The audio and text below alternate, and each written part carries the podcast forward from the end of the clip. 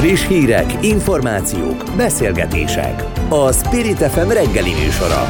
Indítsa velünk a napot, hogy képben legyen. A mikrofonnál Vogyerák Anikó. Szép jó reggelt kívánok, 7 óra 6 perc van, és május 17-e szerda. Köszöntöm Önöket a szerkesztő Hazafi Zsolt nevében. Lássuk, mivel várjuk Önöket.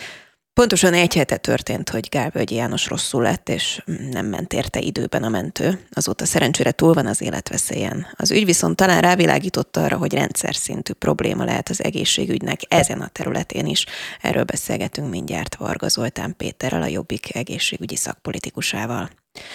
Aztán szó lesz arról, hogy hétvégén ugye még a köztársasági elnök is azt mondta, hogy emelni kellene a pedagógusok bérét, attól függetlenül, hogy jönnek-e a bizonyos várva várt EU-s pénzek vagy sem. Közben a köznevelési államtitkár egy interjúban hangsúlyozta, hogy még tavasszal dönthetnek, dönthetnek a tanárok életpályamodelljéről. Ugye az a terv, hogy 2020-ig 80%-os béremelést szeretnének ígérni, de hát ugye hozzátette, hogy ha az Unió ehhez hozzájárul. Barkóci Balázsral, a DK szóvivőjével fogunk erről beszélgetni. Magasan a magyar infláció a legnagyobb az EU-ban, ezt mondja az Európai Bizottság jelentése. Közben itthon arról beszélnek, hogy marad az árstopp, és év végére majd zuhanó repülésbe kezd az infláció, hogy mitől várható ez, és miért nem most, ezt majd harangozó Gáborral fogjuk elemezni. És ebben az órában szó lesz majd arról is, hogy Lengyelországban már a 14. havi nyugdíjat jelentették be, így segítik az időseket. Itthon ma szakértők arra figyelmeztetnek, hogy az infláció ugye leginkább a nyugdíjasokat sújtja, és még hogyha sikerül is egy számjegyűvét csökkenteni majd évvégére, azzal is igazából ők járnak rosszul, hiszen ahhoz fogják majd igazítani a nyugdíjemelést, szóval van miről beszélni. Karácsony Mihályjal, a nyugdíjas parlament elnökével fogjuk átnézni a számokat. Spirit FM 92.9 A nagyváros hangja. A nagyváros. A Magyarországi Mentő Dolgozók Szövetségénél úgy tudják, hogy négy mentés irányításon dolgozó kollégájuk is érintett lehet az úgynevezett Gálvölgyi ügyben. Egy tovább csörgő hívásról volt szó, ami azt jelenti, hogy az irányító központban terheltek lehettek a vonalak.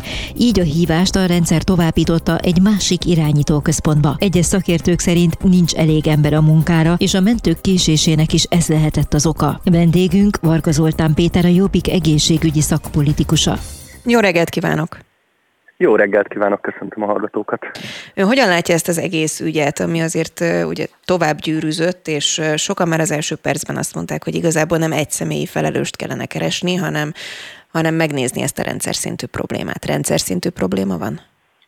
Természetesen, mert mindenki mondja, és én is mondom, hogy rendszer szintű probléma van. Hatalmas munkaerőhiány, hatalmas leterheltség, félelem adott esetben, ezek mind-mind közre játszanak egy ilyen ügyben, és most függetlenül attól, hogy adott esetben egy irányításon dolgozó kollega az rosszul döntötte vagy nem, de ez nem egy egyszeri eset, és nem is egy egyszemélyi probléma. Arról van szó, hogy ismert emberről lévén szó sokkal nagyobb vihar lett az egész ügyből, de ez azért valószínűleg jóval többször megtörténik a hétköznapokban. Valószínűleg, vagy megtörténik? Hát nézze, én még szerencsére nem kellett uh, saját magamhoz, vagy hozzátartozómhoz mentőt hívnom, amikor ilyen helyzetbe kerültem volna, de hát azért ugye erről hall az ember rendszeresen, meg olvas uh, tapasztalatokról, hogy amik egyébként objektíven ellenőrizhetők, tehát nem csak arról van szó, hogy, hogy valaki megsértődött és ilyeneket mond, hogy nem érkezik időben adott esetben mentő, ami, ami hát egy egyszerűen egy kapacitás probléma, hiszen, hiszen nincsen elegendő. Ezt is tudjuk. No igen, mi lehet a legfőbb probléma? Nincs elegendő, vagy túlterheltek? Volt olyan szakdolgozó, aki azt mondta, hogy egyébként simán előfordul az, hogyha egyszerre nem tudom, kint van adott térségen belül X rohamkocsi, mert hirtelen annyi eset van, akkor azért nem tudnak egymás helyre küldeni?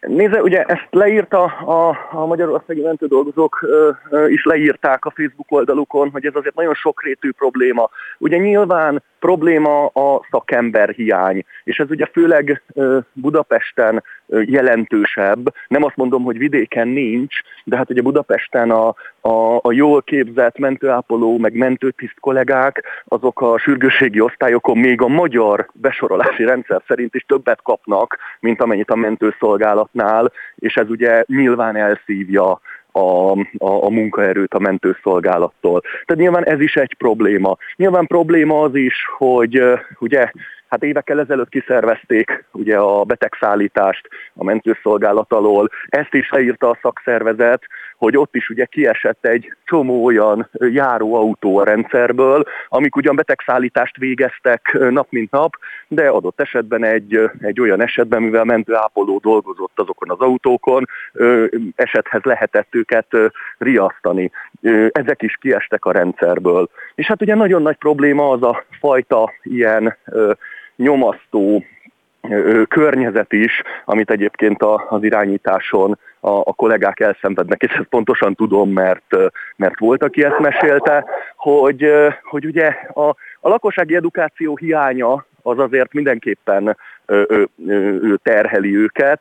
Ugye nagyon sokszor teljesen indokolatlan mentőhívásokra kell menniük, nincsen kidolgozva annak a szakmai protokollja, hogy hogy lehet a teljesen indokolatlan esetben például elutasítani a hívást, és ennek az lesz az eredménye, hogy aztán minden a legkisebb problémához is félelmükben, hiszen nincsenek megvédve egy ilyen hiba esetében magasabb szintű mentőegységet irányítanak. Na most itt természetesen a konkrét esetben pont a fordítottja történt, ezt én is érzem, meg látom, de egy ilyen ügy az nem abba az irányba hat, hogy ezek a hiányzó protokollok kidolgozásra kerüljenek.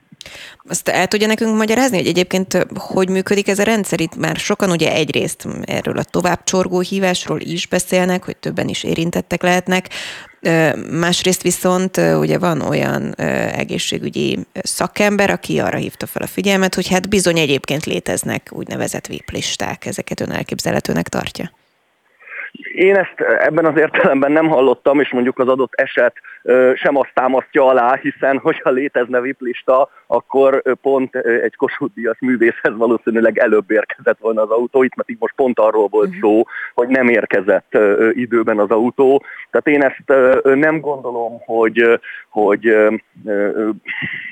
ilyen jellegű dolgokkal foglalkozni kéne. Azt gondolom, hogy mindenkihez időben kell, hogy induljon az autó, és kell, hogy legyen olyan autó, ami időben odaér. Itt a probléma éppen az, hogy még egy vipemberhez sem érkezett időben az autó, és ezzel nem azt mondom, hogy hozzá előbb kellene természetesen, tehát ezt ugye mindenki mindenhol elmondta, hogy itt nem erről van szó, hanem arról, hogy amit egyébként egy héttel ezelőtt önöknél ugyanúgy Rónai Egonnak is elmondtam, elmondtam, illetve ő maga is megemlítette, hogy még ha Gávölgyi Jánoshoz sem érkezik időben az autó, akkor, akkor mire számítson egy egyszerű városi polgár. Mit jelent ez a továbbcsorgó hívás? Ez a kapacitás hiánynak a következménye? Hát részben kapacitás hiány, de részben természetesen az is előfordulhat, hogy mondjuk tényleg teljesen véletlenül egy időben történik mondjuk több baleset, vagy, vagy, vagy éppen egy időben ö, esik be olyan hívás sok sora, amiket kezelnie kell a mentőszolgálatnak. Én ezt nem gondolom, hogy ez feltétlenül ez önmagában a kapacitás hiányhoz kötődne, hiszen, hiszen lehet, hogy ott ül nem tudom én hány ember órákon keresztül úgy, hogy csak egy kapkodja fel a telefonokat, most sarkítok természetesen, meg ez nyilván gyakorlatban nem így működik, és akkor egyszer hirtelen beesik véletlenül annyi hívás, hogy, hogy nem tudják kezelni őket, vagy nem azonnal tudják kezelni őket, de hát ez nem azt jelenti, hogy, hogy akkor ugyanazon a napon egyébként indokolt lett volna még három ember, mert egész addig mondjuk a többiek nem dolgoztak. Én azt gondolom, hogy ez lehet a véletlen műve is, de attól még megtörtént. Ez az eset ugye a mentősöknek a helyzetére hívta fel a figyelmet. Egyrészt több vizsgálat indult, ugye az OMS-nél is indult vizsgálat, és Pintér Sándor is vizsgálatot indított az etiki hívások kapcsán. Mire számít, mi derül ki, és mi lesz a következménye? Tehát változhat-e bármi, amire ez az eset legalább felhívta a figyelmet? Hát ugye a, a mentőszolgálat vizsgálata az már lezárult, ugye elmarasztalták a kollégát, úgy körülbelül erre lehetett számítani. Tehát, hogy önreflexió, vagy, vagy az arra való képesség az megjelenjen itt, arra én egy percig nem számítottam. Szegény kollégán, aki nyilván hibázott, de el lehetett verni a port. Egyébként ez az alapja a, például az irányításon dolgozó kollégáknak a, a, a félelmének, hogy lényegében pontosan tudják, hogy, hogy bűnbak keresés zajlik, ez itt is megtörtént, nincsenek megvédve abban az esetben pláne, amikor hibáznak, de amikor nem hibáznak, akkor sem. Én úgy körülbelül erre számítottam, nem gondolom, hogy a jelenlegi rendszer képes lenne az önreflexióra. Hogyha az egészségügyről beszélünk, akkor szerintem most már évek óta mindig szó van arról, hogy hol és éppen mekkora a probléma, a várólistákról van szó, szakemberhiányról, most ugye nyilván a mentősök vannak a fókuszban, de hogyha el kellene helyezni ezen az egészségügyben, baj van térképen ezt az ügyet, hogy a mentősöknek milyen a helyzete, akkor hova sorolná ezt? Hát ugye az átlagos nagyon nagy bajban az egyik legrosszabb körülbelül a nehézségeiket így lehetne leírni. A megfizetetlenség, a túlterheltség, az emberi erőforrás hiánya, a, a, a védelemnek a hiánya adott esetben, hát ezek nem segítenek az embernek a lelkes munkavégzésben, még ha valaki olyan elhivatott is, hogy egyébként emberi életeknek a mentésére teszi fel az életét. Hogyan lehet változtatni ezen, hiszen csettintésre nyilván nem? Béremelés, béremelés, béremelés. Normális béreket kell adni az egészségügyben lehetőség szerint mindenkinek. A szakdolgozóknak különösen. Hát ez a 18%-os szakdolgozói béremelés, ami most be lett lengetve, ez a vicc. Hát érti, 44%-kal emelkedtek a KSH szerint az élelmiszer árak tavaly. Idén márciusig az előző évhez képest 46-tal, és akkor 18% béremelést kiír a kormány nagy betűkkel mindenhova, de hát, hát ez lényegében még, a, még, a, még az élelmiszer áremelkedés sem fedezi semmilyen formában. Ez nevetséges. Varga Zoltán Péter, a Jobbik egészségügyi szakpolitikusa, köszönöm. Nagyon szépen köszönöm a lehetőséget. Spirit FM 92.9 A nagyváros hangja.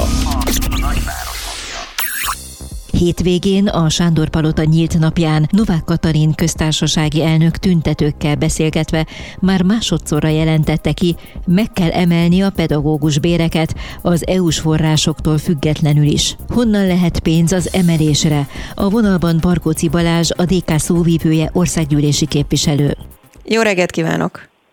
Jó reggelt kívánok, köszöntöm a hallgatókat. Véletlenül nem is az a fő kérdés, hogy honnan lehet pénz az emelésre, hiszen ilyenkor szerintem az átlag állampolgár nagyon jól át tud csoportosítani, hogy fejben legalábbis, hogy mondjuk ne ezt újítsuk fel, vagy ne stadiont építsünk, hanem amaszt, hanem ön hogy látja a kormányzati törekvést, hiszen mindemellett, ha itthon mindenki azt mondja szakértő, és most már Novák Katalin is, hogy egyébként meg lehetne ugye emelni a béreket, vagy meg kellene, ennek ellenére én azt látom, hogy például Maruzsa Zoltán a minap nyilatkozott, és körülbelül egyértelműen beleszőtte az interjúba azt is, hogy majd ha jönnek az uniós pénzek. És annyit hagy tegyek hozzá, hogy az átlagos állampolgárnak ebben tökéletesen igaza van. Tehát, hogyha nem költenénk évi 100 milliárdot a most már propaganda sajtóként működő közszolgálati csatornára, vagy nem ülnének lom nélküli lomkorona sétányok, stadionok, akkor bőven meg lenne ez a pénz, de igaza van önnek is, ez a pénz e, ezek nélkül, az átcsoportosítások nélkül is ott van a nemzeti költségvetésben. Jellemző a Fidesz politikájára, hogy még mindig Brüsszelre, még mindig az Unióra mutogat. Egy valamit tudni kell. Az oktatásfejlesztési pénzek az EFOP pluszból érkeznének, ezt az Európai Szociális Alap pluszból finanszírozzák.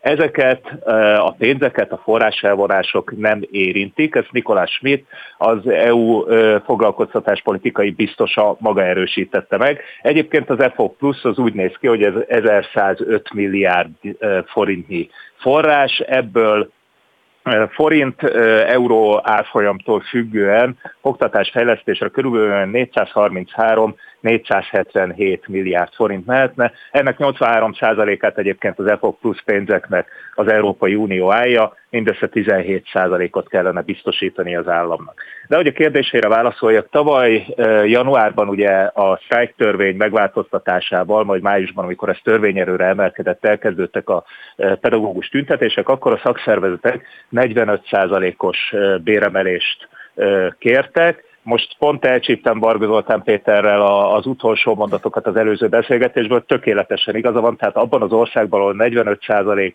kal drágulnak egy év alatt az élelmiszerek a KSH adatai szerint, ott ugye még ezt a mértékű fizetésemelést is teljesen felzabálja az Orbán infláció, de hogyha 45%-kal megemelnénk a pedagógus alapbéreket, és ez mindig nagyon fontos, hogy alapbérekről beszélünk, a kormány 10%-os béremeléssel rócsózik most már hónapok óta. Ez a 10% ez a bérpótlékot érintette, nem az alapbéreket, az alapbérek változatlanul maradtak. Tehát, hogyha 45%-kal megemelnénk, ez 285 milliárd forint plusz kiadást jelentene a költségvetésnek. Na most, ha azt tesszük, hogy van egy 26%-os infláció, akkor az Európa rekord áfa kulcs biztosított a bevételekből egy 26%-os inflációnál 700 milliárd forint pluszhoz jut a költségvetés, tehát látszik, hogy ennek a pénznek több mint a duplája meg lenne. De hogyha azt tesszük, hogy most már 600 milliárd forint értékben állított le a kormány kormányzati beruházásokat, akkor abból az összegből is lehetne finanszírozni. És ott, ha tovább megyünk, és a kormányzati ígéretet vesszük, ami mind a mai napig csak ígéret marad, hogy ők majd 77%-kal fogják megemelni a pedagógus béreket, akkor azt látjuk, hogy ez pedig, ez a 77%-os emelés körülbelül 450 milliárd forintos plusz kiadást jelentene a költségvetésnek, tehát megint csak nem kellene az uniós pénzekre várni, hiszen pont az előbb mondtam el a forrásokat, amik még ezt a 450 milliárd forintos emelést is fedeznék, és nem évekre elhúzódóan, ahogy azt a kormány tervezi, hanem most azonnal, hiszen most van óriási nagy probléma a közoktatásban, most hiányzik már 16 ezer pedagógus és 14 ezer nevelési oktatási munkát közvetlenül segítő munkatárs. Most mondták azt már több mint 6 ezerrel, hogy nem fogják aláírni az új státusztörvényt, tehát egyelőre úgy néz ki, hogy idén szeptembertől a rendszerből 36 ezer ember fog hiányozni, ha csak a kormány nem intézkedik, a kormányban pedig úgy látjuk, hogy nincs politikai akarat az intézkedésre, és valószínűsíthetjük, hogy azért történik ez így, és azért akarják bevezetni a státusztörvényt, holott tiltakozik ellen az Európai Bizottság, mert így akarnak bosszút állni a most már több mint egy éve tiltakozó tanárokon, diákokon és szülőkön. Csak ez a bosszú nem rajtuk csapódik le, hanem igazából végső soron mondjuk a jövő generációján. Tehát, hogyha belegondolok abba, hogy nekem van egy két és fél éves kisfiam, vélhetően nem lesz tanár, amire ő iskolába fog menni. Ez gondolom én, vagy gondolnám én, vagy gondolnánk mi civilek, ennél nagyobb politikai felelősség, mint hogy kvázi, ahogy ön fogalmazott, bosszút álljunk valakin. Ez tökéletesen így van, csak nézzük meg a státusztörvénynek a bevezetését. Ez egy több mint száz oldalas salátatörvény. Ezt március másodikán bocsátották a szakszervezetek rendelkezésére azzal, hogy március 10-éig, tehát 8 nap alatt mondjanak róla véleményt. A szakszervezeteknek trabban kellett erről véleményt mondaniuk. Ez minden csak nem társadalmi egyeztetés, ez nem párbeszéd, hanem ez diktátum. És azóta azt látjuk, hogy a szakszervezeti meglátásokat nem hajlandó a kormány figyelembe venni, tehát nem lehetséges az, hogy egy egész szakma, és a szakmában dolgozók széles tömegés, itt nem csak a pedagógusokról beszélünk, hanem még egyszer mondom, az oktatás segítő munkatársakról is tiltakozik egy törvénytervezet ellen, a kormány pedig ragaszkodik hozzá úgy, hogy tudja, hogy ezzel még egyébként az EFOP plusz pénzeit is veszélybe sodorja, tehát még azt az összeget is, hogy az megérkezzen. Ezért mondja a demokratikus koalíció azt, hogy mindenkinek ott kell lenni május 19-én 16.30-tól a Kossuth téren, ahol az Egyesült Diákfront szervez ismét egy tüntetést és egy vonulást az oktogonhoz, azért, hogy a jövő generáció, hogy ön fogalmazott is, megkapják azt a színvonalú oktatást, ami egy Európai Uniós országban jár a diákoknak. Hogyha a státusz törvényről van szó, akkor viszont igazából csak egy pont az, ami ellen vagy a tiltakozás, ami ellen szól, nem csak arról van, és kizárólag szó, hogy keveset keresnek a pedagógusok, hanem elég sok problémájuk van, túlterheltség és státusztörvény egyéb pontjaival is.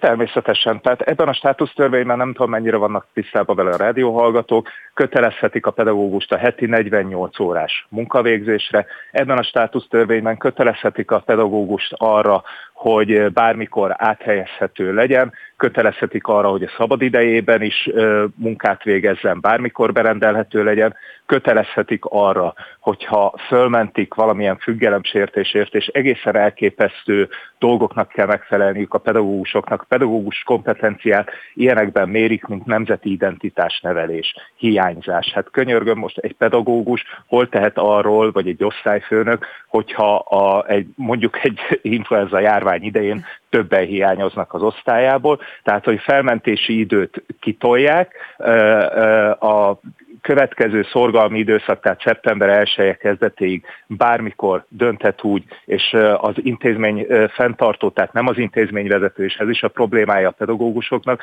hogy egy olyan ember kezébe adják a tankerületi vezető kezébe a döntést, aki nincs tisztában a belső kollegális viszonyokkal, nincs tisztában az iskola struktúrájával, a hagyományaival, ő dönt most már mindenben, tulajdonképpen az intézményvezető végrehajtó lesz, tehát bármikor mondhatják azt a pedagógusnak ebben az időszakban, hogy köszönik szépen a munkáját, és elbocsátják. Mondom még egyszer, a nyári szünetben is, mint Damoklész kardjaként ott lebeghet ez a feje felett, de akár hogyha már a nyári szünet szóba került, mondhatja azt a belügyminiszter, hogy július 16-áig, tehát egy hónappal meghosszabbítja a szorgalmi időszakot. Nyilvánvalóan azért történik mindez, egyrészt a pedagógusok elbocsátásában, hogy meglegyen ez a fenyegetettség, másrészt pedig a szorgalmi időszak meghosszabbításában, hogyha a diákok mondjuk tiltakoznak, vagy a kollégák nem veszik fel a munkát, polgári engedetlenségbe kezdenek, akkor azt tudják mondani, hogy rendben van, akkor ezt majd a szabadidőtökből pótoljátok, ami teljesen ellentmond az Európai Szociális Kartára, és mindennek, amit tudunk a sztrájk törvényről és a sztrájk hagyományokról, és a munkavállalói jogokról. Szerettem volna kérdezni még a jogsikról is, hiszen erről is megnyilvánult, de majd legközelebb, ígérem az adásban egyébként lesz témánk. Barkóci Balázs a DK szóvivője, szép napot! Köszönöm szépen, és legközelebb is állok rendelkezésére. Kezdés csonkolom, üdvözlöm a hallgatókat! Friss hírek, információk, beszélgetések. A Spirit FM reggeli műsora. Indítsa velünk a napot, hogy képben legyen. A műsorvezető Vogyerák Anikó. Friss prognózist adott ki az Európai Bizottság a magyar gazdasági várakozásokról. 2023-ban a magyar GDP növekedés lényegesen elmarad az uniós átlagtól, ugyanakkor az infláció mintegy 10%-kal meghaladja a 27-ek átlagos pénzromlásának mértékét. Az előrejelzés kapcsán Harangozó Gáborral, az MSP alelnökével beszélgetünk. Jó reggelt kívánok! Jó reggelt kívánok! Közben, hogyha valaki a hazai csak és kizárólag mondjuk a hazai kormányzati kommunikációt veszi alapul, ezzel kapcsolatban akkor továbbra is egyértelműen ö, tartja magát az a kijelentés, hogy már pedig évvégére egy számjegyű lesz az infláció. Ha jól emlékszem, ezt még tavaly évvégén követelte Orbán Viktor egyébként Varga Mihályéktól. Ö, másrészt marad az árstop, mindenki nyugodjon meg.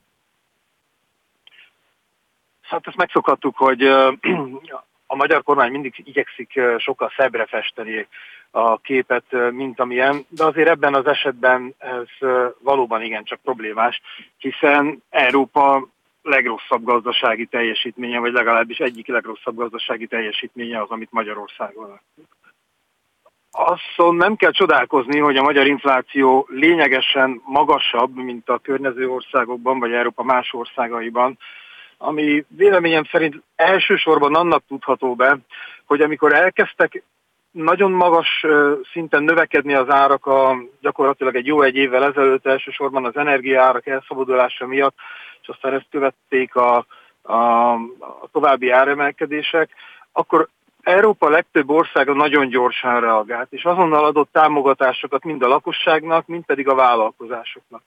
Ezek a támogatások nálunk akkor elmaradtak, sokkal később indultak el, illetve pont a legjelentősebb szektorba, a mezőgazdaságba gyakorlatilag egyáltalán nem kerültek be ilyen támogatások. A, csak hadd említse meg a mezőgazdasági inputárak, tehát hogy mennyiből lehet előállítani az adott mezőgazdasági terméket, ezek gyakorlatilag a tavalyi év közepére 47%-kal növekedtek, amihez a mezőgazdasági termelők semmilyen támogatást nem kaptak. Tehát például még mondjuk volt energiaár kompenzáció az autóiparban, tehát a magyarországi német vállalatokat megtámogatta a magyar kormány, a nagy multikat, a magyar mezőgazdasági termelők nem kaptak semmilyen kompenzációt, ennek következtében elkezdtek nagyon nőni az árak, és miután a kereskedelembe azt érzékelték, hogy hogy továbbra is folyamatosan nőnek az árak, szerintem volt egy nagyon jelentős várakozás, ami miatt az indokoltnál is jobban megemelték a kereskedelembe az árakat, így következett be az, hogy Magyarországon rekordmagasságú lett az élelmiszerárak növekedése, és általában az infláció is. Akkor ez hogyan szüntethető meg csettintésre? Ebből ugye az következik, hogy miután nagyon magas volt a növekedés, és ez továbbra is gyakorlatilag minimális mértékben csökken csak, ez egy csettintésre nem tud megszűnni.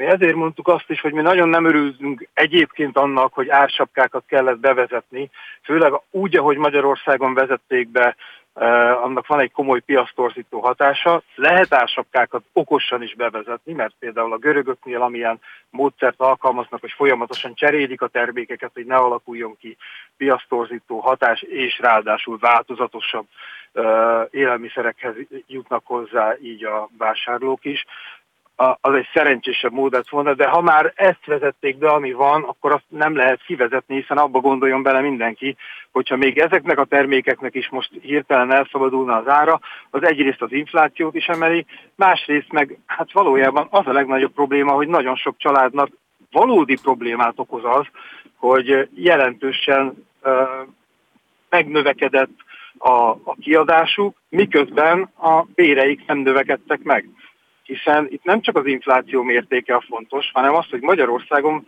volt egy 20%-os reálbér csökkenés. Tehát ennyivel kevesebb, kisebb mértékben nőttek a bérek, mint az árak, tehát van egy folyamatos elszegényedés. Míg uh, tavaly 1,9 millió ember élt uh, gyakorlatilag mindennapi szegénységbe, tehát mindenféle uh, tartalékok nélkül egyik napról a másikra, ez mostanára megduplázódott, 3,8 millió ö, olyan háztartás van Magyarországon, akik semmilyen tartalékkal nem rendelkeznek, és gyakorlatilag most úgy tudják túlélni ezeket a hónapokat, hogy jelentős fogyasztásról kell lemondaniuk. Rosszabb élelmiszert vesznek, nem fűtik ki a lakásukat, tehát ilyen körülmények között természetesen nem tudunk mi sem mást mondani, mint hogy azokat az árakat, amiket mesterségesen alacsonyan tartottak eddig, azokat legalább alacsonyan kell tartani, de hát nyilvánvalóan további intézkedésekre is szükség lenne, hogy az infláció jelentősebben mérséklődjön. Hogyan látja, hiszen az az akciózás, amit most tervez a kormány, az körülbelül egybecseng azzal a görög példával, amit ön mondott, ugye júniustól, majd minden héten 20 termék kötelezően akciós lesz, minimum 10%-kal kell olcsóbbnak lennie alapvető élelmiszereknek. Ez az a példa, amit így kvázi ügyesen átültet a magyar kormányzat? Sajnos nem, sajnos ezt is ugyanúgy elrontják, mert hogy itt arról van szó, hogy a, a nagyobb bevásárló központokat, vagy nagyobb élelmiszerforgalmazó ö, vállalatokat kötelezik erre, ö, és, a, és a kisebbeket viszont nem. Aminek az a következménye, hogy nyilván ezekben a nagyobb, ö, nagyobb ö, boltokban lesznek elérhetőek ezek az olcsóbb termékek, és ez a hazai kifejezetten nagyon nehéz helyzetben lévő kiskereskedelmi boltokat, tehát alapvetően a vidéki kisboltokat még nehezebb helyzetbe hozza, tönkreteszi őket, és a, vállal, és a, a vásárlókat pedig még jobban áttereli ezekhez a nagy multikhoz. Ennek a gazdaságra nézve kifejezetten kedvezőtlen hatásai vannak, és főleg a vidéki lakosságot sújtja nagyon, hiszen sorra zárnak be a kis településeken a kisboltok, egyre kevesebb szolgáltatás érhető el, ugye leépítették a takarékpénztári rendszer, tehát pénzügyi szolgáltatások már nincsenek, tudjuk, hogy az egészségügyi szolgáltatásokban milyen óriási problémák vannak, iskolák zárnak be, és most már a kisboltok is bezárnak, tehát a magyar vidéki társadalomnak ez egészen biztos, hogy egy tragikus helyzetet okoz, és hát azoknak a, a, a kis vállalkozóknak is, akiket így nehezebb helyzetbe hozzák. Ugye a görögöknél, mint egy normális országban ez úgy működik, hogy van egy párbeszéd a szereplők között, amivel folyamatosan megegyeznek abba a, az élelmiszerforgalmazók, a mezőgazdasági termelők, a kereskedők és az állam, hogy mikor melyik terméket érdemes olcsóbbá tenni, azt mennyi ideig, azt vizsgálják, hogyha az valamilyen zavart okoz, akkor azt rögtön cserélik. Így meg lehetne ezt csinálni, most gyakorlatilag a kormány csak annyit csinál, hogy kijelöl egy termékkört, azt azt mondja, hogy most na ezeket tessék olcsóbbá tenni, és azt is megmondja, hogy melyik üzletekben, ami sajnos megint egy komoly piasztorzító hatással jön. Nagyon röviden, mi a helyzet a nyugdíjasokkal, hiszen talán őket érinti ez leginkább. Tényleg két mondat. Hát ugye a magyarországi törvények szerint a nyugdíjakat az infláció mértékével folyamatosan korrigálni kell, ez többé-kevésbé teszi is a kormány, csak mindig alulbecsüli az inflációt, ezért mindig utólagosan éri csak el ezt a szintet, tehát gyakorlatilag a nyugdíjasok megelőlegezik azt a pénzt, amit így időben nem kapnak meg, de az a baj, hogy ugye ez az átlagos infláció. De a nyugdíjasoknak a fogyasztói kosarában 60% gyakorlatilag a, a rezsitípusú kiadások, tehát az élelmiszer és az otthon fenntartásának a költségei. Na most ezek azok a költségek, amik nem az átlagos infláció mértékével növekedtek, hanem annál jóval magasabb, közel 50%-os növekedés volt ezekben a költségekben, és hát ettől messze elmarad az a növekedés, amit a nyugdíjakban az állam biztosít, így a nyugdíjasok is folyamatosan szegényednek el. Harangozó Gábor, az MSZP alelnöke, köszönöm szépen. Én is nagyon köszönöm.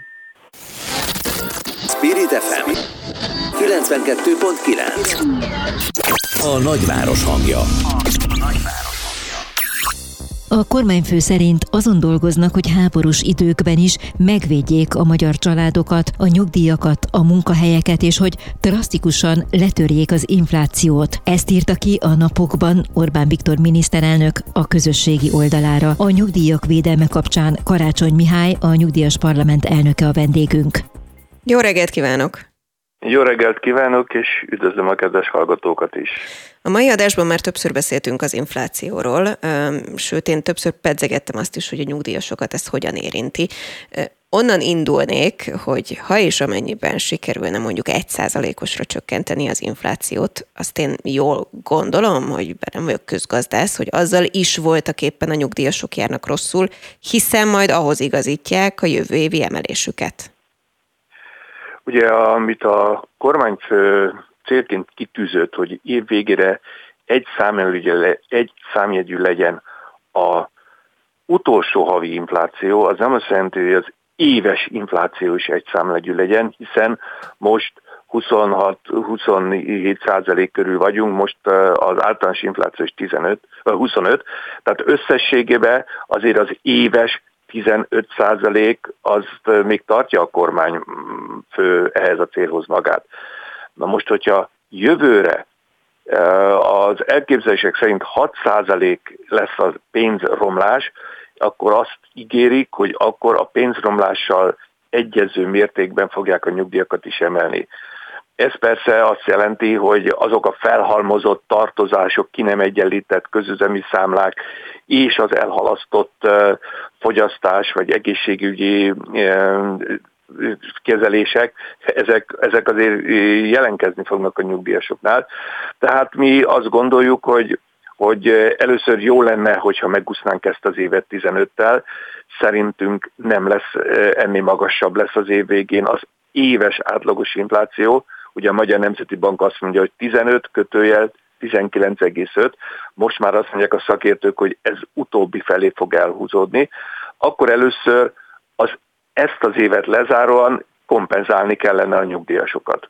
És hát erre jönne majd a január 1-én e, esedékes, nem tudjuk, hogy mennyi, mert ugye a, a költségvetési törvénybe kell ezt megfogalmazni, és még azt nem nyújtotta be a kormány, tehát nem tudjuk.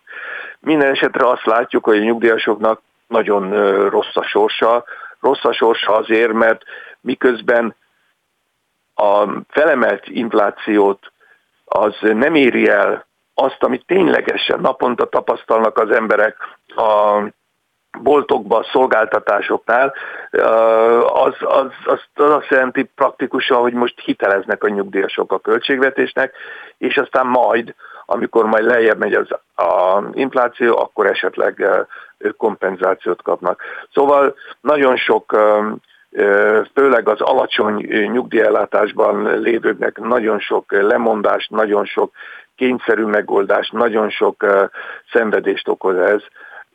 Gondoljunk csak bele, hogy például egy ilyen nagyon alacsony nyugellátással rendelkező honfitársunknak egy, egy olyan hirtelen nem számított költségkiadás jelenkezik, például elromlik a háztartási gépe, vagy ne talántán valami örömteli esemény születik, és az születik egy új unokája, és ez, ezt szeretném megünnepelni, vagy ne talántán most kap időpontot a csipőprotézisére, és akkor nem is beszélek még ennél nagyobb tragédiára, hogy mondjuk a meghal a társa, nincs forrása, nincs tartaléka, hogy ezt a egyszerre előre látható költségre valamelyest tudjon fordítani, és hát akkor marad a szégyen, hogy ő ezt nem tudja megoldani, vagy még talán ennél is rosszabb eset, hogy uzsora kölcsönhöz folyamodik, ami hát aztán, aztán ott tornyosul előtte, hogy ezt hogyan fogja visszafizetni. Szóval nem jól ma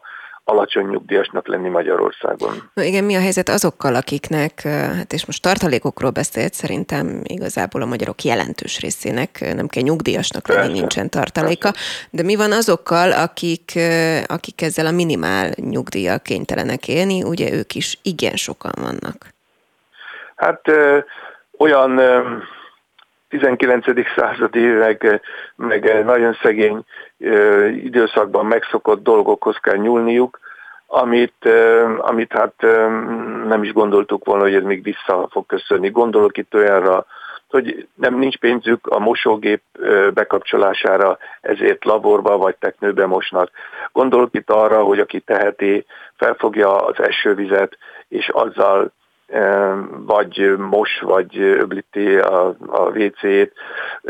Gondoljuk itt arra, hogy olyan praktikák alakultak ki, hogy a, mondjuk egy nagyobb városból több bolt is van, a nyugdíjas mielőtt megvásárolná az, aznapra való ebédre szükséges eszk, dolgokat, árukat, akkor először körbejárja az üzleteket, és mindenhol azt nézi meg, hogy mi a, a, éppen a lejárat előtti, és ezért olcsóbb, vagy ne talántán árleszállítás van.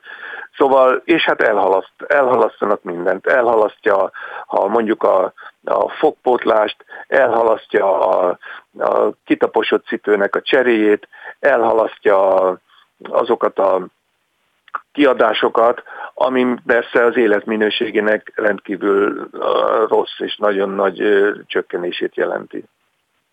Lengyelországban mindeközben már 14. havi nyugdíjról beszélnek. Mit csinálnak Igen. ők, amit mi nem? Hát két dologot azért tudni kellene, hogy ősszel Lengyelországban választás lesz. Választások előtt nálunk is hát volt, volt a nyugdíjasok felé komoly gesztus a kormánytól. Tehát ősszel választás lesz. A másik, amit sokkal jobban csinálnak, hogy a nyugdíjra rendelkezésre álló összeget azt nem úgy osztják el, mint Magyarországon, hogy mindenki megkapja a 13. havi nyugdíjat, hanem csak a minimál nyugdíjat kapja meg mindenki, azaz a, a ezt fölötti rész, ami a költségből kiderül, azt, hogy adják még egyszer.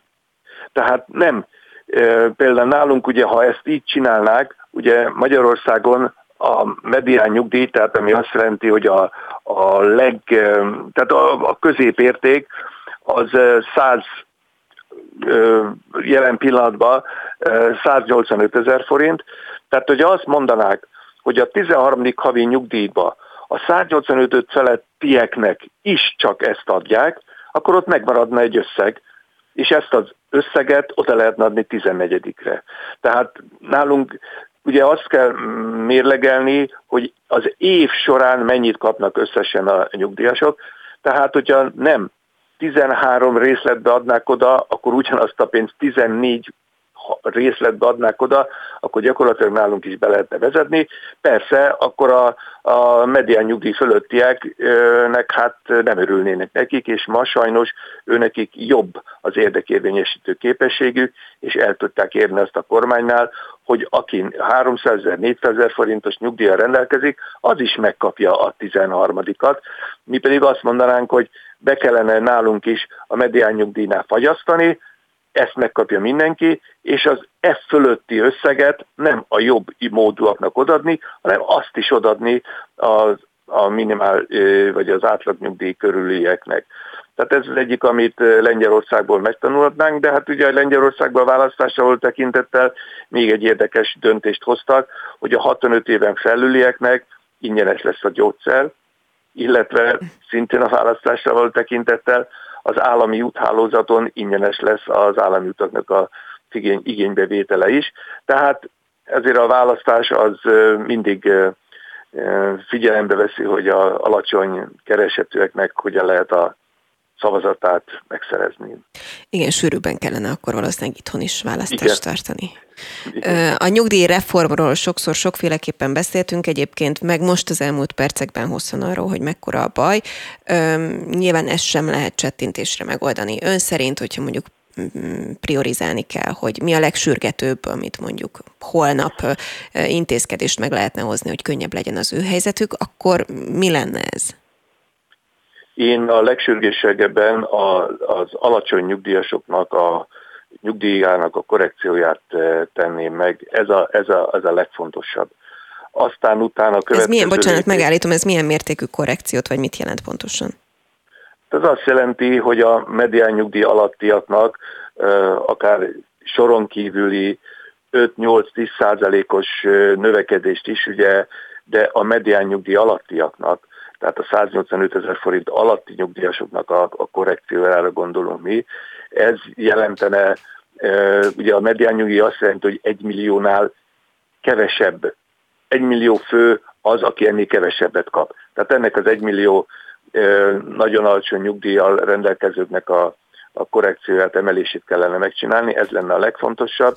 Azt követően e, hozzányúlnánk ahhoz, hogy a férfiak és a nők közötti nagy nyugdíjszakadék, ami ma tapasztalható, ezt közelíteni kellene, ezt pedig úgy lehetne elérni, hogy nem százalékosan emelni mindenkinek, mert az azt jelenti, hogy a különbséget továbbra is fenntartom, sőt, növelem a ma meglévő férfiak és nők közötti különbséget. Harmadiknak azt csinálnánk meg, hogy a területenként meglévő különbségeket csökkenteni, nevezetesen mondjuk mondjuk a jelenleg a legkevesebb átlagnyugdíj a Mórahalmi járásnál van, ott 146 ezer forint az átlagnyugdíj, és Budapesten pedig 246 ezer az átlagnyugdíj, miközben mindegyik nyugdíjasnak ma már a társadalmi státusza ugyanaz nyugdíjas. Tehát ez nem a különbségek növelését meg kell akadályozni, és ezeket közelíteni kellene. Tehát ezek lennének a legfontosabb ma meglévő különbségek csökkentésére. Ezek a különbségek miből fakadnak? Például mondjuk itt ugye a járást vagy területi különbséget mondta, nem abból fakad, hogy valaki aktív élete során x ezer forintot keresett, és az alapján számítódott ki az ő nyugdíja, és mondjuk a fővárosban többen voltak, most csak tippelek, és ő majd helyre rakja, akik mondjuk diplomásként ilyen típusú értelmiségi munkakörben helyezkedtek el, egy vidéki járásban pedig mondjuk akár nem tudom, gyárban dolgozott valaki fel annyiért. Igen, az induló nyugdíjat ez, ez magyarázza, és ezt, ezt nem akarjuk változtatni. Zárójelbe jegyzem meg, hogy azért nem kőbevésett azt, hogy a jó fizetőállások azok mind Budapesten vannak, itt vannak fejlesztések, itt vannak kutatóintézetek, itt vannak stb. De, de ezt most zárójel bezárva, tehát nem az induló nyugdíj közötti különbségeket akarjuk még megváltoztatni, mert ezt adottságnak tekintjük. Azt szeretnénk, ha az a így kialakult induláskor meglévő különbség az évek során nem nőjön továbbiakban. Az meg már nem magyarázható azzal, hogy azért nő annak, mert amikor aktív volt, abban jobban keresett. Tehát nem az induláskor meglévő különbségeket akarjuk csökkenteni, azt elfogadjuk, de évek során, amikor már mindenki nyugdíjas, akkor már nincs indoka annak, hogy miért növekedjen továbbra is. Egyik a különbség az egyiknek és a másik közötti különbség. Hát lesz még miről beszélni, szerintem Karácsony Mihály a nyugdíjas parlament elnöke. Nagyon szépen köszönöm, hogy a rendelkezésünkre állt. Köszönöm szépen az érdeklődést. Friss hírek, információk, beszélgetések. A Spirit FM reggeli műsora. Indítsa velünk a napot, hogy képben legyen. A mikrofonnál Vogyerák Anikó.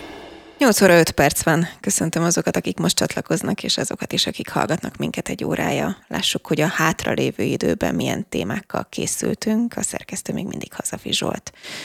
Nyíregyházán egy nő szexel fizetett állítólag azért, hogy az orvos fogyókúrás gyógyszert írjon fel neki. Magyarországon egyébként a kenőpénz eddig is vesztegetésnek számított, de 2021-től bűncselekmény. Mire számíthat az, aki így próbál előnyhöz jutni? Ezt fogjuk majd mindjárt átbeszélni Magyar György ügyvéddel. Kett hajnalban intenzív légitámadás érte Kijevet, az oroszok drónokkal, cirkáló és ballisztikus rakétákkal is támadták az ukrán fővárost, Közben a nagy ukrán ellentámadást várja mindenki. Mi van éppen Bakhmutnál, mi történik a szomszédban? Anton Bendarzsevszki külpolitikai jellemzőt fogjuk majd kérdezni. Átlagosan 300 ezer forintba kerülhet a B-kategóriás jogosítvány megszerzése, de sokak szerint ez inkább 500 ezer forint. Nekem van például ismerősöm, aki most próbálja a jogsit letenni, és egy óra 18 ezer forint, hogyha vezetésről van szó. Szóval állítólag 40%-kal esett vissza azoknak a száma, akik jogosítványt szeretnének szerezni. Kapitány Tibor közlekedésbiztonsági szakértő lesz majd a vendégünk. És hogyha inflációról beszélünk, mint ahogy tettük az előző órában, akkor az élelmiszerárak nőttek talán a leginkább. Vannak olyan termékcsoportok, ahol 60%-os volt a drágulás éves szinten.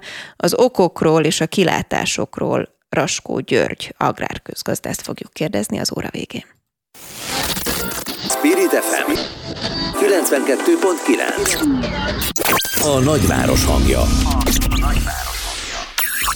A közelmúltban a rendőrség egy közleményben közölte, egy 43 éves budapesti nő szexuális szolgáltatást ajánlott fel egy 48 éves nyíregyházi házi orvosnak a fogyását elősegítő receptért. Az orvos annak ellenére írta fel a modellnek a cukorbetegek kezelésére alkalmazott gyógyszert, hogy nem tartozott a körzetébe, és házi orvosként fel sem írhatta volna. Az ügy jogi vonzatáról Magyar György ügyvédet faggatjuk. Jó reggelt kívánok! Kegyét csókolom, jó reggelt kívánok! Ilyen sok kérdést felvett ez az ügy. Egyrészt ezt akkor véletlen ügyesen kitalálta ez a hölgy, hogy hogyan jusson hozzá ez a gyógyszerhez, de induljunk talán az alapoktól, hogyha jól tudom, akkor eddig is, ugye, hogyha hálapénz, meg kenőpénzről beszéltünk, ez vesztegetésnek számított, 2021-től ez bűncselekmény. Mi a két kategória között a különbség, vagy egyáltalán ezek mit jelentenek?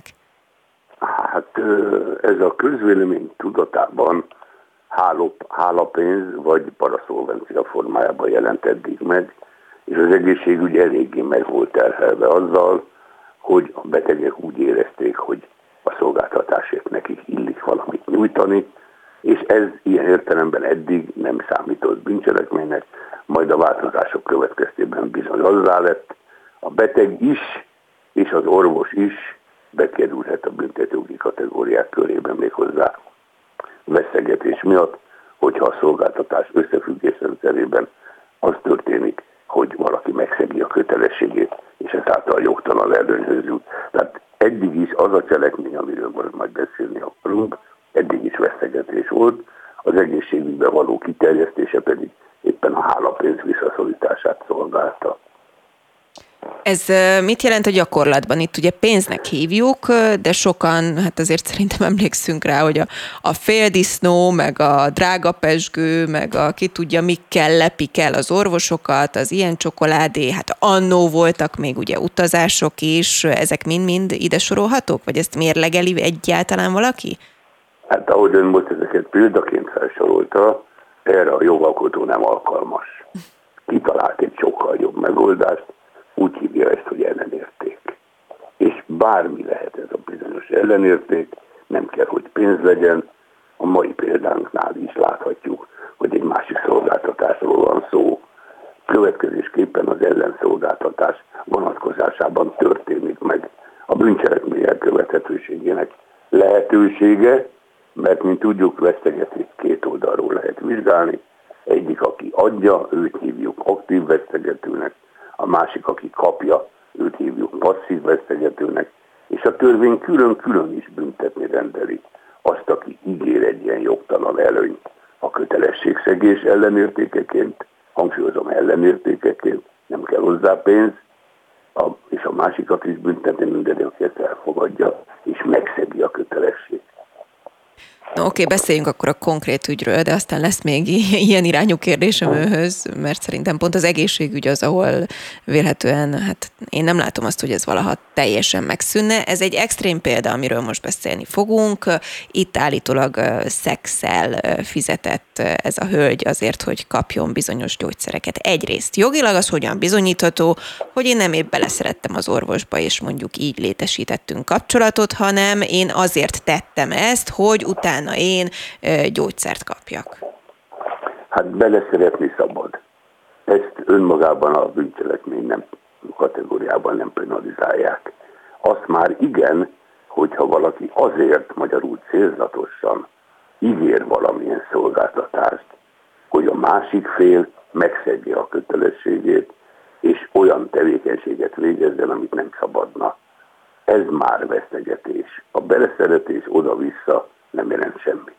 Ha az orvos azt tette, amit tett a tényállás szerint, nem tudhatjuk, hogy mi volt a valóság, de ha az bizonyításra kerül valamilyen szinten, vagy esetleg ők maguk feltárják, aminek azért elég ritka lenne a előfordulása, mert a veszegetés pont arról híresek, hogy senki sem érdekelt ennek a feltárásában. Tipikusan látenciáról beszélünk, és nagyon sok esetben fordul elő veszegetés.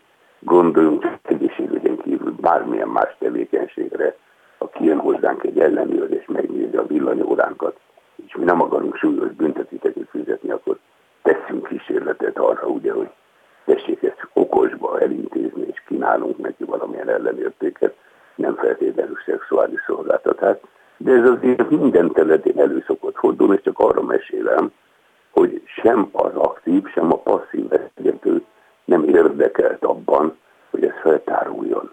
A titoktartás lenne számukra a legfontosabb. Nem véletlen, hogy a büntető törvénykönyv nagyon helyesen és nagyon okosan, éppen azért, hogy visszatartsa az elkövetőket az ilyen cselekményektől, egyszerűen csak méltányolja azt, ha valaki feltárja a veszegetési cselekvőséget, még mielőtt az a hatóság tudomására jutott volna, úgy méltányolja, hogy az ilyen személynek akár a büntetését el is engedhetik, mellőzhetik, vagy korlátlanul enyhíthetik.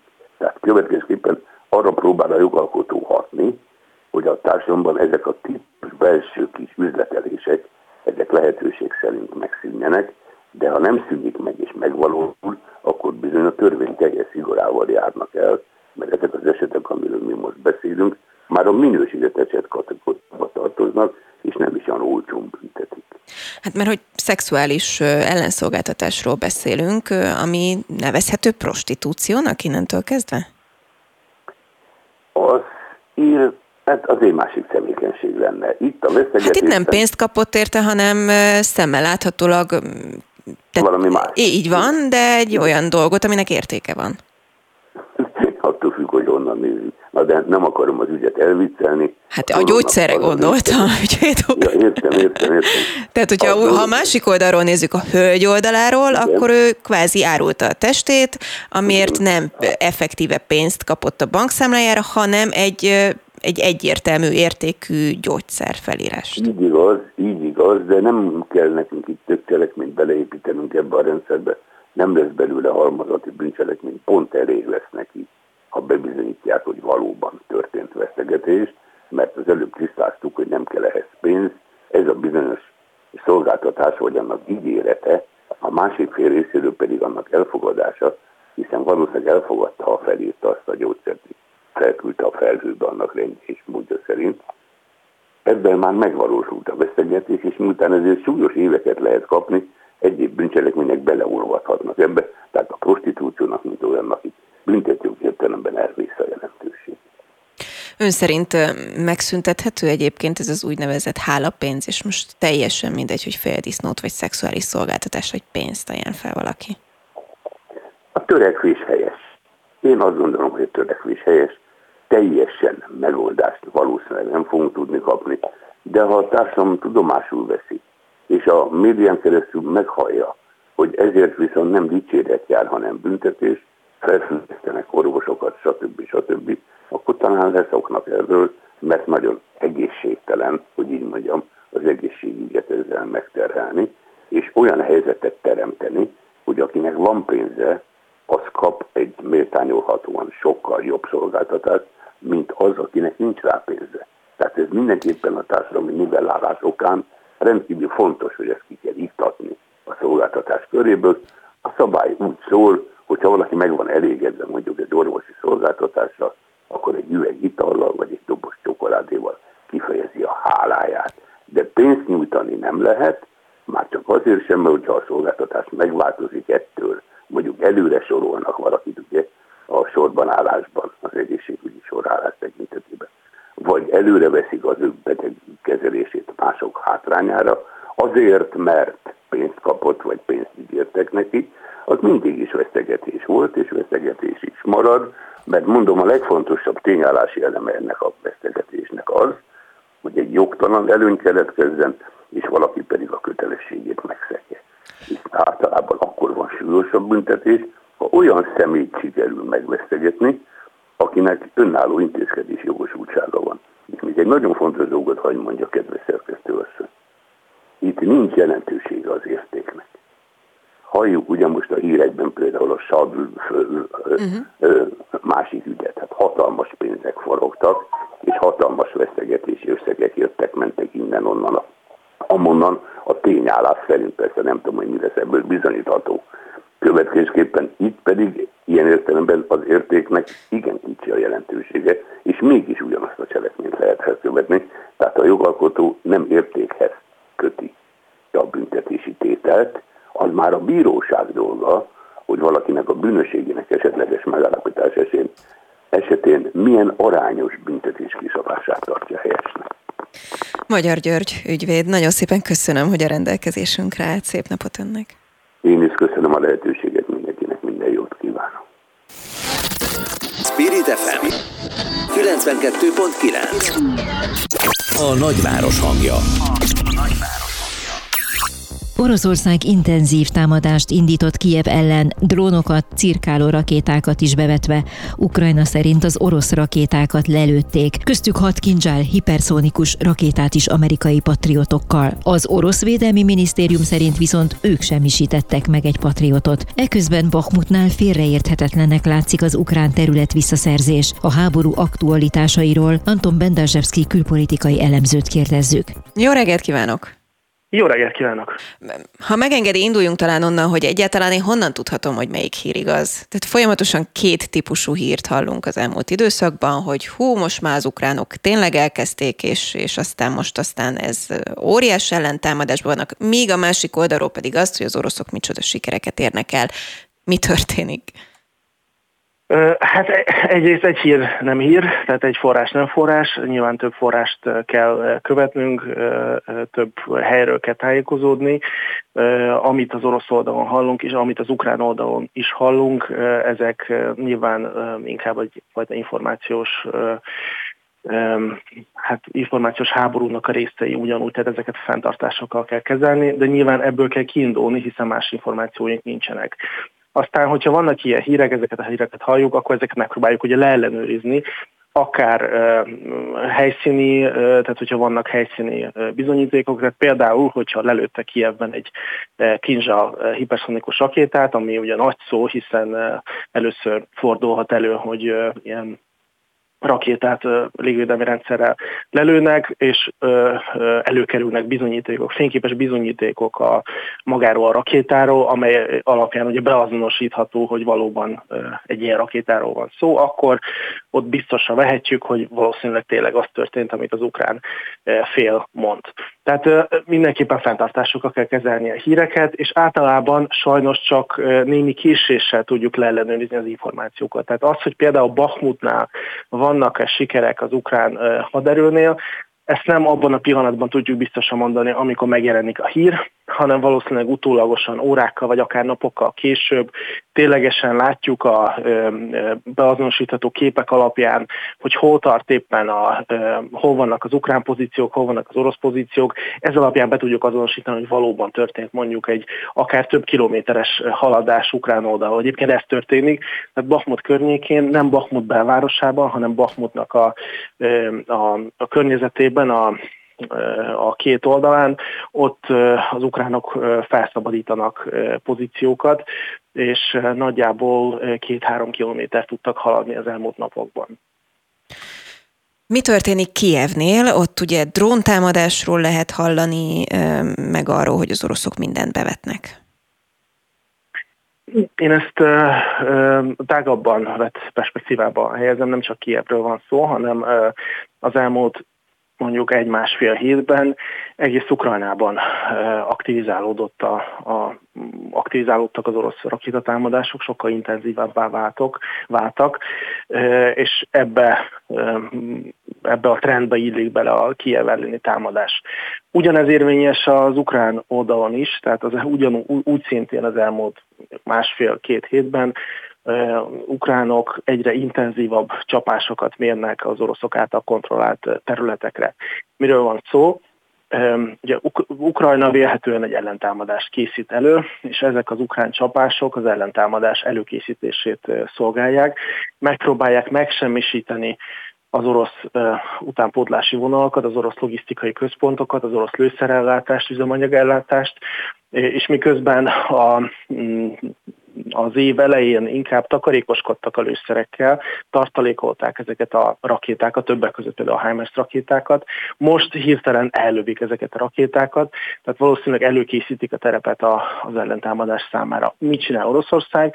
Ugye pont szintén az ukrán ellentámadáshoz készülve, ők pedig megpróbálják beazonosítani az ukrán ö, katonai erőkoncentrációt, akár ugye, haditechnika koncentrációt, akár az ukrán lőszer utánpótlási vonalakat, és ugyancsak ugye megpróbálják ezeket megsemmisíteni, hogy akadályozzák, megnehezítsék az ukrán ellentámadást.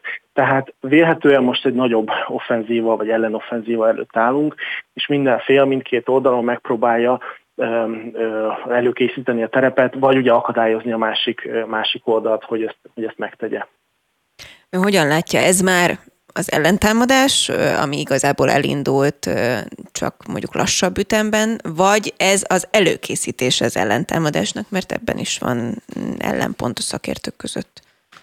Hát ez mindenképpen az ellentámadásnak a, az első szakasza, tehát a, hogy mondjam, a, a, amikor látunk haditechnikát a, mozogni, a haditechnikát, embereket nagy offenzívába haladni, oroszok által kontrollált területeken, az, nem, az valójában nem az ellentámadás kezdete, az már egy, egy következő szakasza.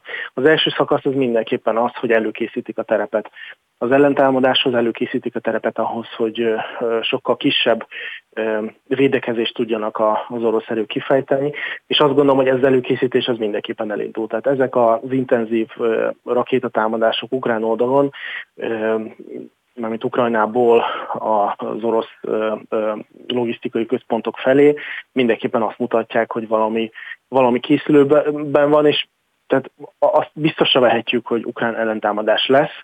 Egyszerűen azért is, mert nagy a nyomás az ukrán haderőn, nyugat részéről is, a belföld rész, tehát a saját hazai közvéleményük részéről is. Most valamit fel kell mutatniuk, valamit produkálni kell, hiszen eh, november óta, eh, tavaly november óta, ugye akkor ért véget az előző ukrán ellentámadás, azóta folyamatosan eh, nyomás alatt tartotta az ukrán lakosságot a, ugye Oroszország, a, az ukrán hátország elleni rakétatámadásokkal, az oroszok voltak helyzeti előnyben, az oroszoknál volt a kezdeményezés, és most mindenki azt várja Ukrajnában, hogy az ukrán haderő átvegye a kezdeményezést, és újabb nagy sikereket érjen el. Másrészt pedig pontosan azért, mert az orosz haderőnek a támadása kifulladt az elmúlt időszakban, tehát a fronton most egyfajta műveleti szünet van, nem voltak képesek a mobilizált erők felhasználásával katonai sikereket elérni a, fronton.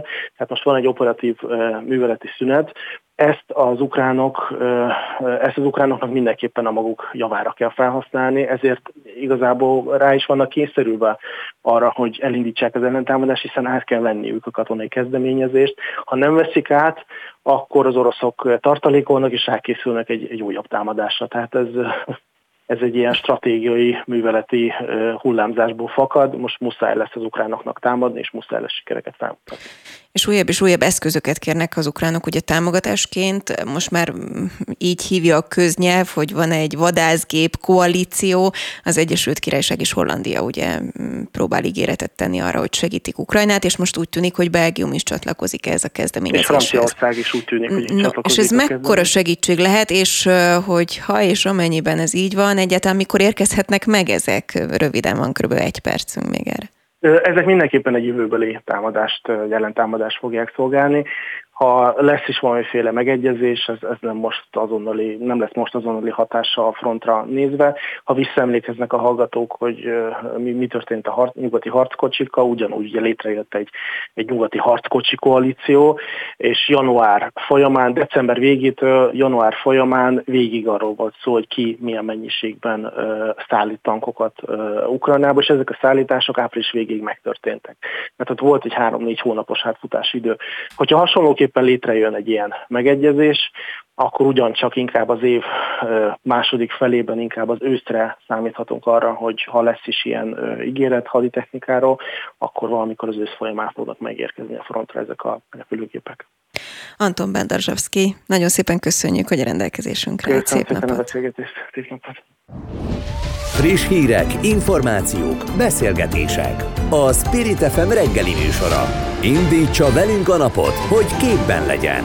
A műsorvezető Vogyerák Anikó. Átlagosan 300 ezer forintba kerülhet a B-kategóriás jogosítvány megszerzése, de akár 500 ezer forint is lehet a végösszeg. Kapitány Tibor közlekedés biztonsági szakértő a vonalban. Jó reggelt kívánok! Szép reggelt kívánok! Minek tudható be, csak és kizárólag mondjuk a rezsiemelkedésnek, meg a benzináremelésnek, hogy ennyivel drágultak a jogosítványok? Hát annyira jelentősen nem drágult szerintem egy 15-20% a, a jelenlegi drágulás. Igen, sok minden, sok összetevője van neki az adózási forma, ami megváltozott tavaly, ugye az oktatóknak a jelentős része katásként dolgozott, ugye lényegesen több adót kell befizetniük, magasabbak lettek az üzemanyagárak, elszabadultak a 480 forint után, az is közre játszik. Nagyjából körülbelül ennyi, ami befolyásolta az árakat van olyan szakértő, vagy nem szakértő, inkább politikus, aki azt mondja, hogy egyébként az elmúlt időszakban ennek köszönhetően 40%-kal kevesebben futnak neki a jogosítványnak. Ezt meg tudja erősíteni? Lát ilyen számokat? Ilyen hivatalos számokat mindig évvégén látunk, tehát én azt gondolom, hogy ez nem feltétlen fedi a valóságot. Évvégén meglátjuk, saját tapasztalataim szerint ekkora visszaesés nincs. Visszaesés van mindenféleképpen a jelentkezők számában, de 40%-ot azt egy kicsit erősnek tartom. Nekem is van konkrétan olyan ismerősöm, több is, aki például most teszi le a jogosítványt, ők is mondanak számokat is, de van másik érdekesség, kíváncsi vagyok az ön véleményére. Egyrészt azt, hogy mondjuk egy óra vezetés az 18 ezer forint, és úgy próbálnak plusz pénzhez jutni az oktatók, hogy azt mondják, hogy de figyelj, hogy szerintem a kötelezőn túl még azért egy ötöt tegyünk rá. Egyrészt én, hogyha ha kezdő zöld fülű vagyok, honnan tudjam, hogy megbízhatok-e ebben a tekintetben az oktatóban, és valóban szükséges-e az a plusz öt óra, amit, ami hát elég borsos, hogyha átszámítjuk ezen az óradíjon. Másrészt olyat is hallottam, akinek mondta az oktató, hogy figyelj, azért készüljél, legyen a zsebedben a vizsgán pénz. Hát először az óradíjakra visszatérve, az átlag óradíja azt kell tudni, hogy 7500 és 10-11 ezer között van, hogyha valaki nagyon extrával dolgozik, akkor van 11 ezer oh. forint óradíja. Tehát a 18 ezer az egy költői túlzás, fogalmazunk így. Okay. A, az órákra visszatérve, ugye, ami meg van határozva a, a hatóság által, az 29 kötelező levezetett óra, úgy lehet vizsgára haladni, illetve 580 levezetett kilométer. Azt kell tudni, hogy az 580 levezetett kilométer igen ritkán teljesül 29 óra alatt. Tehát a plusz óra már itt eleve, ha plusznak nevezhetjük ezt, már nem plusz, mert az 580 levezetett kilométer nélkül nem lehet vizsgára bocsátani a tanulót. Ez, bocsánat, ez vagy, vagy és. Tehát vagy 29 órát kell vezetned, vagy 580... 29 óra és 580 kilométer megtétele. Nagyon, tehát én azt gondolom, tehát én oktatok gyakorlatilag manuális, illetve automataváltós autón is. Automataváltós autóval megközelíthető, hogy 30 óra alatt megcsinálja az ember az 580 kilométert. Manuálissal Budapesten egészen biztos, hogy nem. Tehát akkor eleve öm, van egy ilyen kvázi, ha nem is átverésnek hívhatjuk, de egy ilyen Minek hívjuk ezt? Hát ez szabályozás, ezt, ezt a hatóság állapította meg. Tehát ezt a hatóság állapította meg, amit én azt gondolok különben, hogy az 580 kilométer az uh, simán, simán jó, jó, jó uh-huh. Tehát szakmailag volt, mert mind, fontos. szakmailag abszolút alátámasztható. Én azt gondolom, hogy van, akinek még ez is kevés. Azért lássuk be, hogy nem egyforma képességekkel rendelkeznek a tanulók, van, akinek még az ezer kilométer is kevés. Tehát az, azért a jogosítvány árába, amikor valaki kétszer annyit fizet ki egy jogosítványért, mint ami a kötelező óraszám alatt megtehető lenne, akkor az benne van az is, hogy az ő képességei nem feltétlen olyanok, amivel 580 km után el lehet engedni vizsgára, vagy ki lehet, és nem is a vizsga a lényeg, hanem hogy ki lehet engedni a forgalomba úgy, hogy ő biztonságosan Csak az a baj, hogy ők is levizsgáznak valahogy. Nem? Ő nem tapasztalja napi szinten?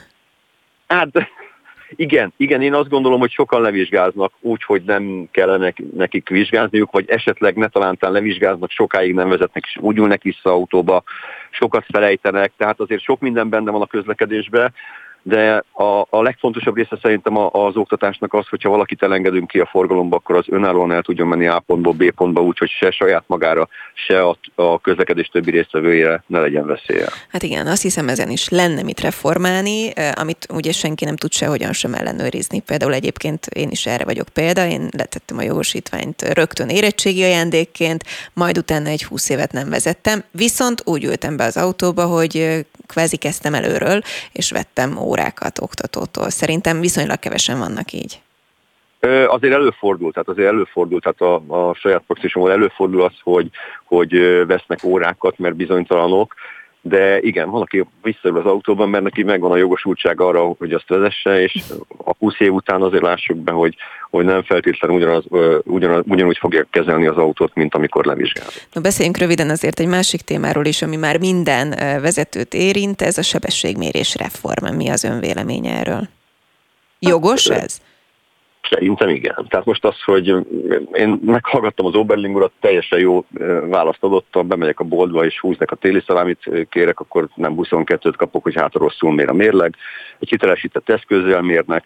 Igazából nagy változás nincs, az a 3 km per óra, amit a, a mérőbe bele, tehát hogy százalékban engednek, hogy a mérő vel mérik. Azt most pontos, pontossá tették. Annyi igazából a, a különbség, hogy ha eddig teszem azt 96-tal mentem, akkor a mérés határ miatt csak 60 ezer forintot fizettem, most már, hogyha annyival megyek, akkor, akkor egy, egy lépcsővel feljebb lép ez a történet, tehát 90 ezer forint lesz a bírság. Most csak egy, egy egyszerű példát vettem ki.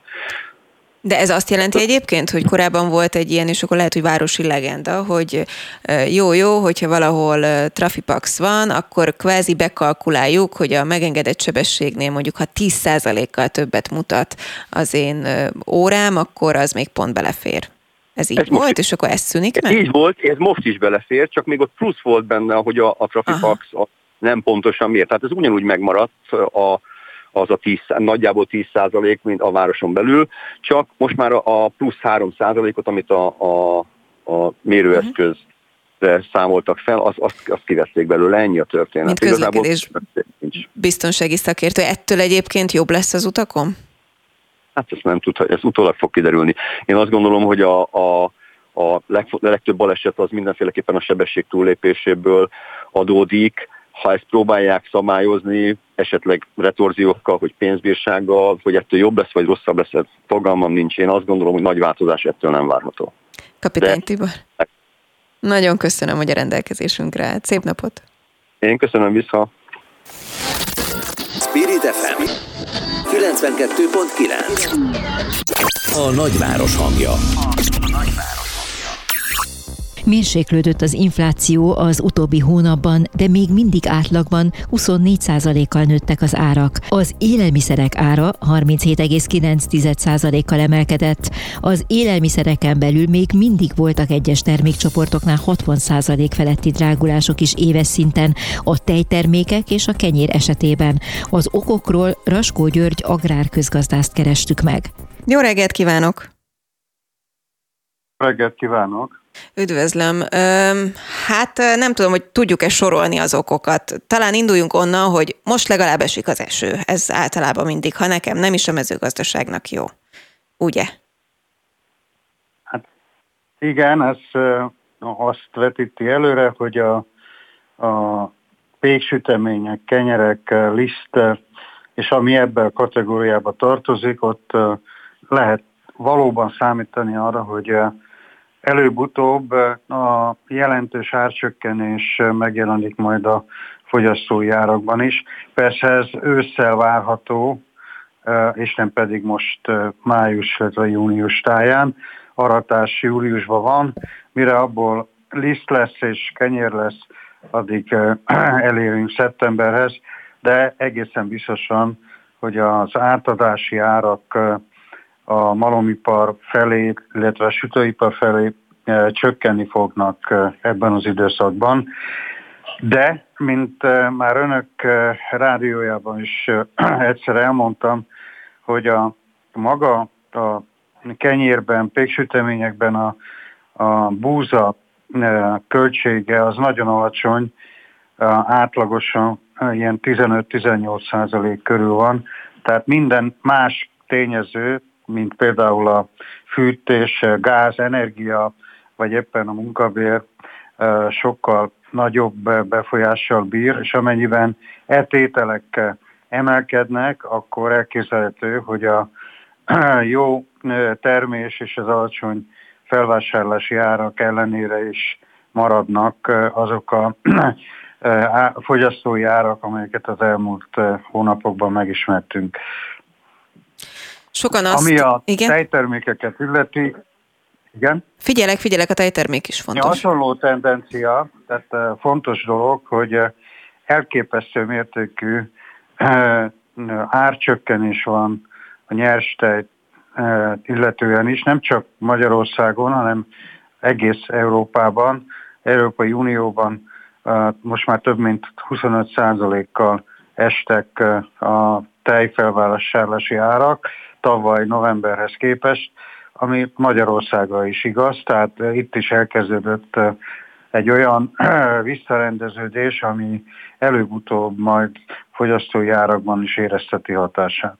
Tehát akkor jól értem, hogy, hogy előbb-utóbb olcsóbb lesz az élelmiszer? Hát most a, a tejről, tejtermékekről van szó. Uh-huh.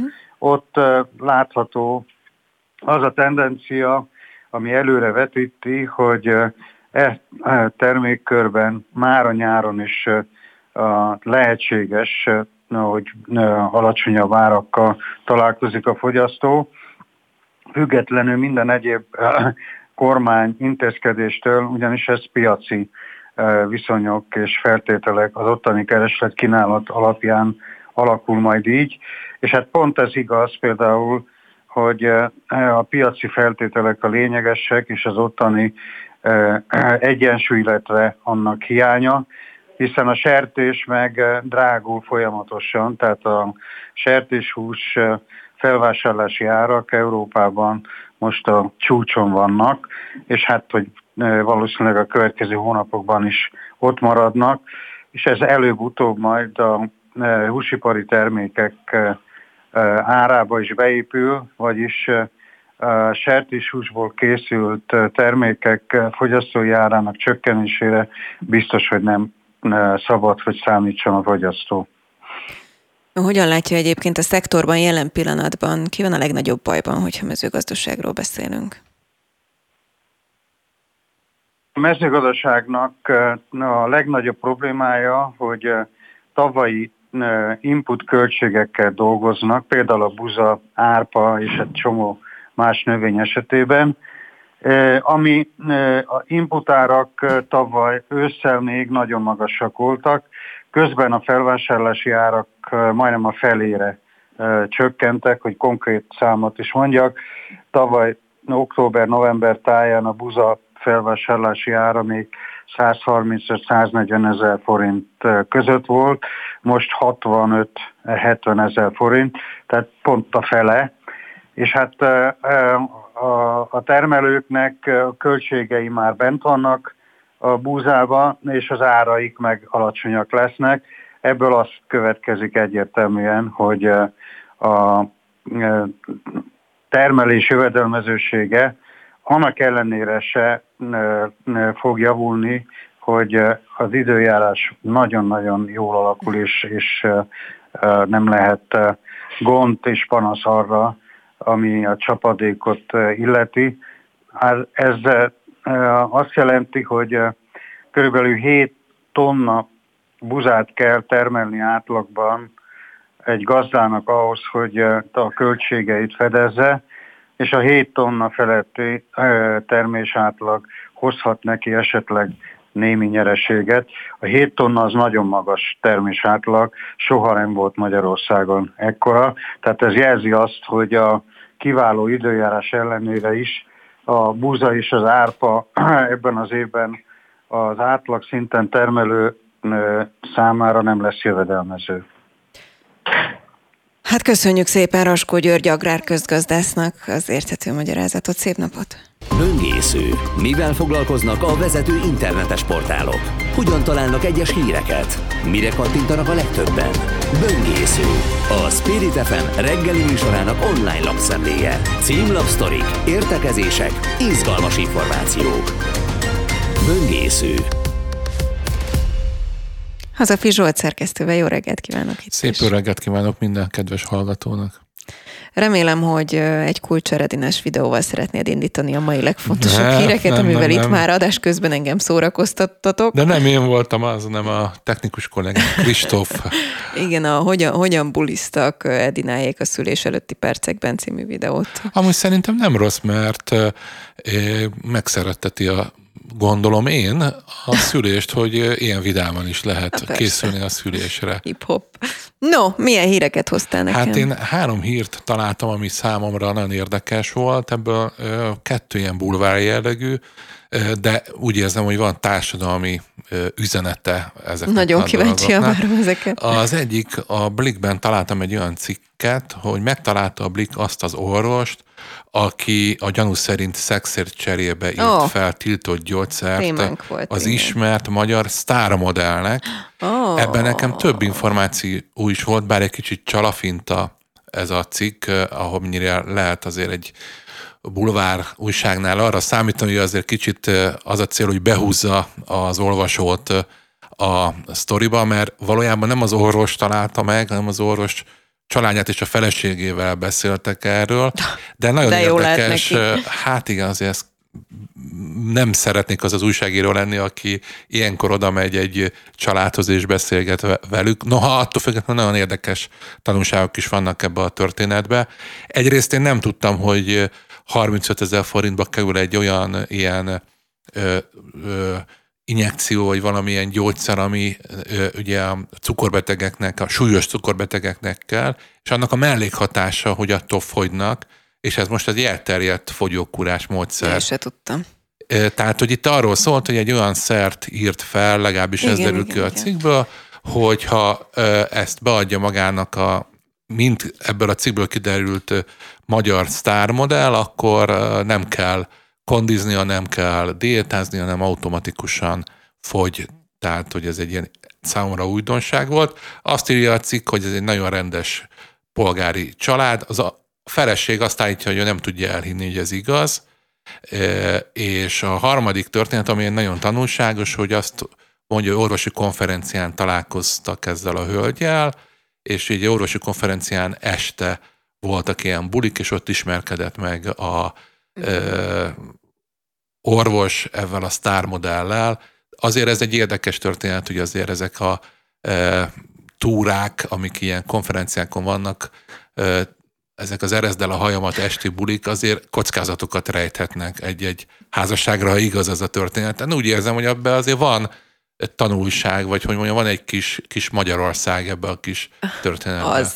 No, lapozzunk, mi a következő, amit te A naphíre.hu-n egy ennél sokkal megrázóbb történetet láttam, és javaslom mindenkinek, ami szerintem egy ilyen antidrog kampánynak is beleillik.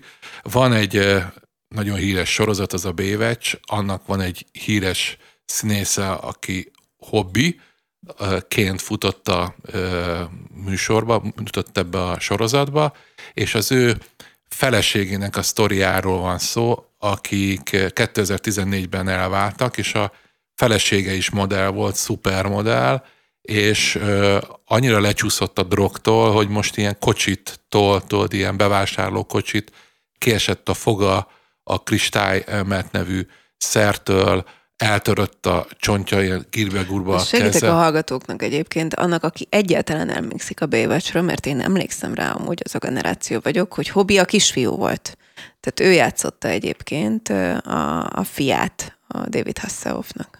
Igen, és az ő felesége, de a, a felesége egy nagyon dekoratív, csinos hölgy volt, és a drognak köszönhetően hát egészen ijesztő. Nem tudom, hogy rá kattintasz a videóra, döbbenetes, nyomokba lehet csak felfedezni azt, hogy egy kedves arcú fiatal hölgy hogy le tud pusztítani a kábítószer. Tehát olyan szerintem egy tanulságos, hogy a bulvárból kiindulva is lehet találni Sokkolott. élettanulságokat. Igen. No, mi a harmadik? A harmadik az, szerintem erről sokat fogtok még beszélgetni különféle műsorokban, hogy a mentők szerint nincs értelme a hívástól számítani a kiérkezési időket, e, az az indexen van. Ugye nagyon felkavarta a magyar közvéleményt az, hogy Gálvegyi János hát ahogy kórházba került, hogy nem mentek ki hozzá a mentők, a családja vitte be, és hát talán most, ha jól olvasom, és bizakodó vagyok, akkor hát túl van az életveszélye. Nekem a Gálvölgyi Jánoson nőttem fel az ő különféle showin, meg a, ö, voltam ö, színdarabot is, láttam vele kapcsolatban, tehát ö, nekem egy ilyen ikonom, vagy hogy mondjam, azért gyerekkoromnak egy, ö, meg a felnőtt koromnak egy ö, elmaradhatatlan szereplője, és nagyon szurkolok érte, hogy életben maradjon.